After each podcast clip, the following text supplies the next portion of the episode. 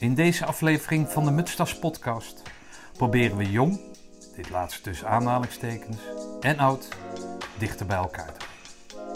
Dit omdat ongeacht je lichting wij uit hetzelfde hout gesneden zijn. Luister naar het bijzondere verhaal van grootvader Emiel en kleinzoon David van Ling.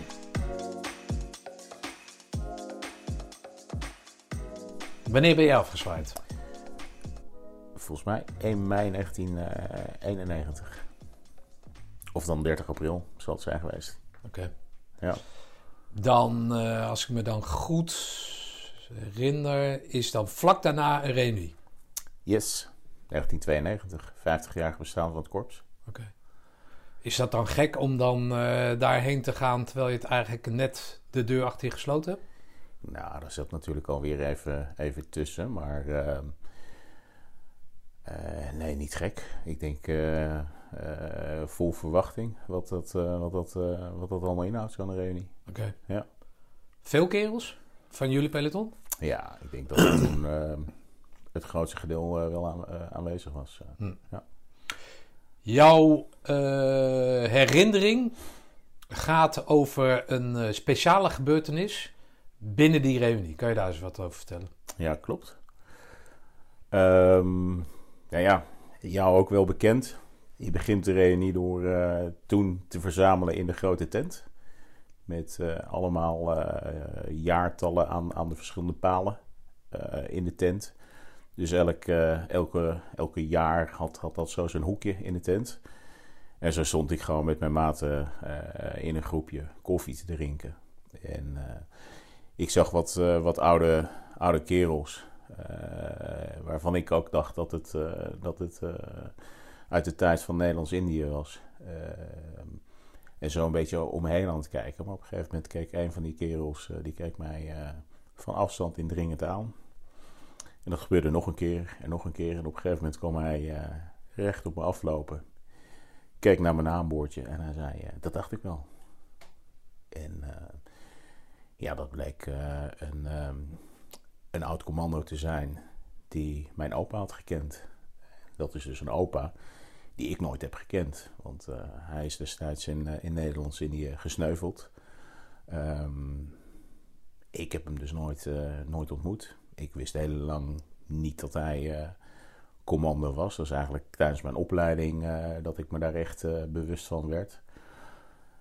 En eh, ja, die man die herkende iets in mij. En nou eh, heb ik mijn opa nooit gekend, maar ik ken wel eh, wat foto's van hem. Het is, zit niet in de, in de fysieke gelijkenis, zeg maar, eh, tussen mijn opa en mij. Maar eh, dat legde hij ook uit. Hij zei, ja, zoals je daar staat, ehm, je hele uitstraling en hoe je met, met, met, met, mensen omgaat. de hele interactie met, met de mensen om je heen. Dat deed me aan hem denken. En ja, dat was wel een hele, hele, hele bijzondere ontmo- ontmoeting. Oké. Ja. Maar als we het over Nederlands-Indië hebben, dat is dan 92. Dus dan hebben we het over een herinnering die dan, zeg maar, ongeveer 50 jaar daarvoor is, heeft plaatsgevonden. Ja, ja klopt. klopt. En dus na 50 jaar ziet hij aan jou doen en laten. Is het doen en laten? Is, is Ja, dat het juiste ja, woord? Ja, ja, Eh, jouw lichaamstaal klopt. herkent hij Mijn opa. jouw opa. Ja, dat, was, dat was in- inderdaad heel bijzonder. Hij, hij was ook, eh, ehm, nou wat zal dat zijn, eind 40 jaren eh, teruggekomen naar Nederland. Ehm, en vrijwel direct geëmigreerd naar, eh, naar Amerika. Ehm, en vanwege het 50-jarig eh, jubileum van, van het korps kwam hij nu voor het eerst terug naar Nederland. En ook voor het eerst op een, op een eh, reunie van het korps. Oké.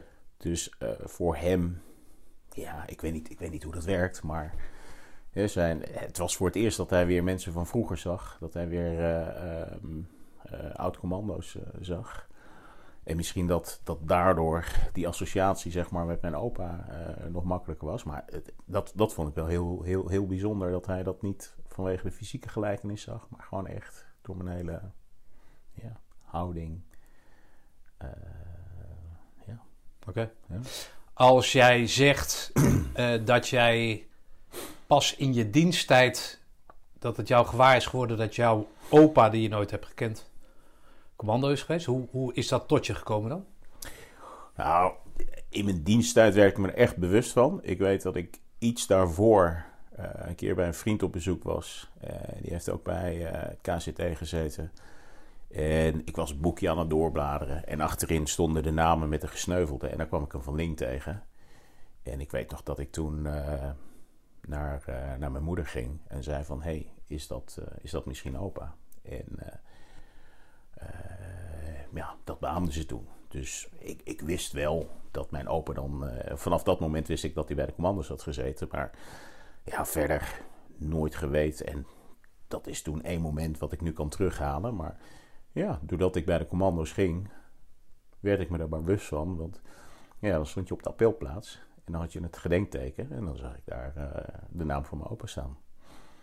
Dus op daar manier... stond hij. Oh ja, natuurlijk. Ja, ja, ja, ja oké. maar ik heb dat natuurlijk nooit ja. kunnen checken. Maar, maar is het, het, het, het gegeven dat jouw open commando was, was dat een van de redenen om je in Roosendaal aan te melden? Nee, nee, nee.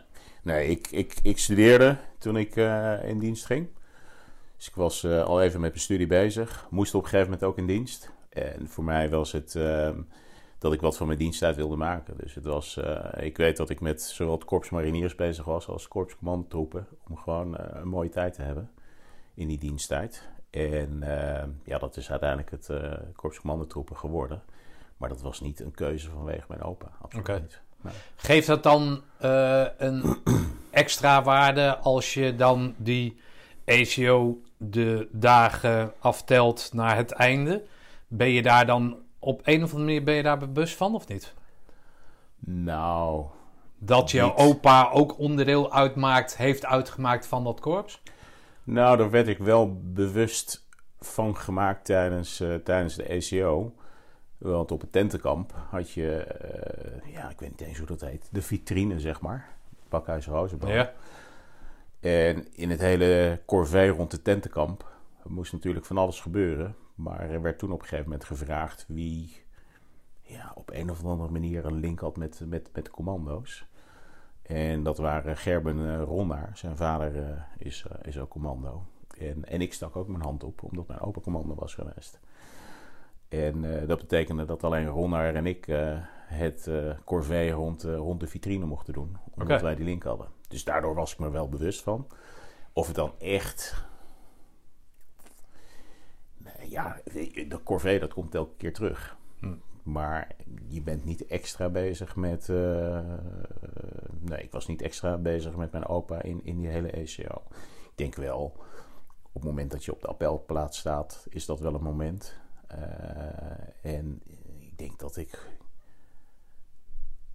ja, in de ECO vooral bezig was met, met, met, met de dingen goed doen en zorgen dat je, dat je erbij blijft. Dat je er niet uitvalt ja. en blessures oploopt. Maar zoals een goed bestman betaamt, heeft een bestman het natuurlijk nooit over dat hij bestman is geweest. Um, maar toevallig was jij dat wel. Ja. Um, ondanks dat jij je opa nooit gekend hebt, maar je weet dat zijn naam op dat monument staat. Uh, monument wat staat voor het korps. Ja schiet het dan wel door je gedachten als je dan naar voren wordt geroepen en dan als beste van je lichting wordt uitgeroepen? Ja, zeker. Ja. Dat, uh, ik sowieso uh, de tranenpoort, maar ook uh, om dan tot best man benoemd te worden. Wat, wat, wat de waardering is, zowel van de instructeurs als van, van je maten. Ja, dat doet wat met je. En ja, mijn familie en vrienden die stonden er ook bij ik heb het band van, van de beretuitreiking wel eens teruggekeken. En dan hoor je ook ja, een hele luid gejoel, wat herkenbaar is toen, toen mijn naam werd geroepen. Ja, dat doet zeker wat met je. Hm. En, ja, maar in combinatie juist, met, juist dat, met je opa. Ja, en juist doordat ik hem nooit heb gekend, um, werd dat gaandeweg wel heel bijzonder dat je die connectie dan hebt. Hè. Uh, maar dat kwam voor mij eigenlijk eerder na de baretuitreiking. Want um, nou ja, mijn oma die sprak, die sprak er nooit over. Die sprak Hm. nooit over mijn opa. Ja, mijn vader was zes toen zijn vader overleed. Dus die wist er ook niet veel. Hè. Dus ja, eigenlijk nog steeds. Er is heel weinig bekend. Maar ja, toen ik mijn, eh, mijn beret had gehaald... ehm, ja, begon mijn oma iets meer te vertellen.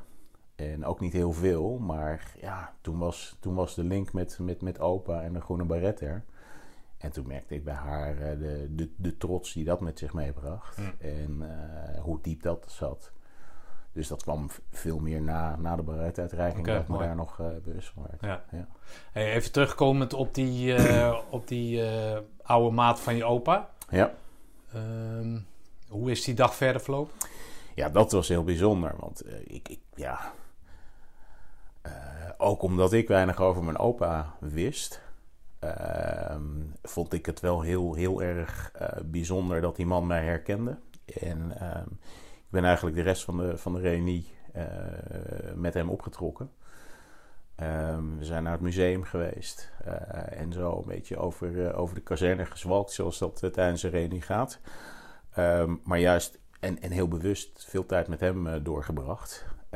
En ja, dat, was, dat vond ik ook heel bijzonder, omdat hij het ene moment tegen mij, de kleinzoon, aan het praten was. En het andere moment was hij gewoon tegen mij, eh, als verpersoonlijking van mijn opa, aan het praten. Dus dat ging echt.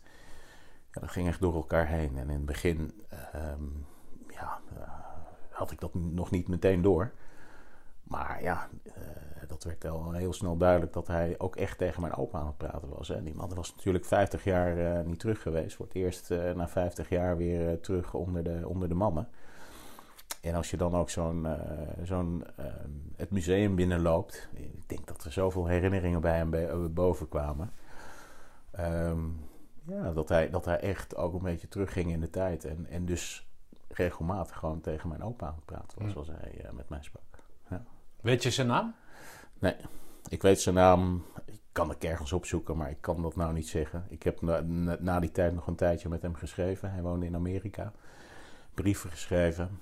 Ehm, gewoon ja, een hele bijzondere ontmoeting. Een Ja. cadeautje, als je dat eh, zo mee mag maken. Zeker eh, als het iemand is die je opa heeft gekend, die ik nooit heb gekend. Ehm, en ja, ik denk dat ik merkte wel dat dat, dat, dat tegelijkertijd, hoe mooi het ook was, eh, ook, ook heel veel pijn weer eh, naar boven haalde. Hè. En eh, het contact met hem was sowieso mooi, maar ik vond het ook wel interessant in hoeverre hij mij wat ehm, over mijn opa kon, kon vertellen. Trouwens, hij introduceerde me al aan, aan allemaal maten eh, eh, van, van, van die tijd. En ik werd naar aanleiding daarvan ook voor, eh voor reunies van het korps van, van de oude Oh, mooi. uitgenodigd. En gepresenteerd als de kleinzoon van.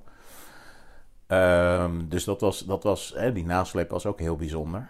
Ehm, maar ja, niet, niet, niet, niet uniek. Gewoon, ik, ik merkte overal dat, dat de herinneringen gewoon mooi waren. Het bijzonder was dat de kleinzoon van Van Ling daar stond. Maar ehm, ja, dat het ook veel, eh, veel, veel pijn van, de periodes, eh, van die periode naar boven haalde. Dus eh, ja, en dat liet ik zo. Ja. En ik, ja, dat is, dat is op een gegeven moment dat, is dat contact verwaterd. Maar de brief heb ik nog wel ergens eh, op zondag. Ga jij naar de reunie? Zeker. Ja, Nou, dan zien we elkaar dan. Dank voor het mooie verhaal. graag gedaan.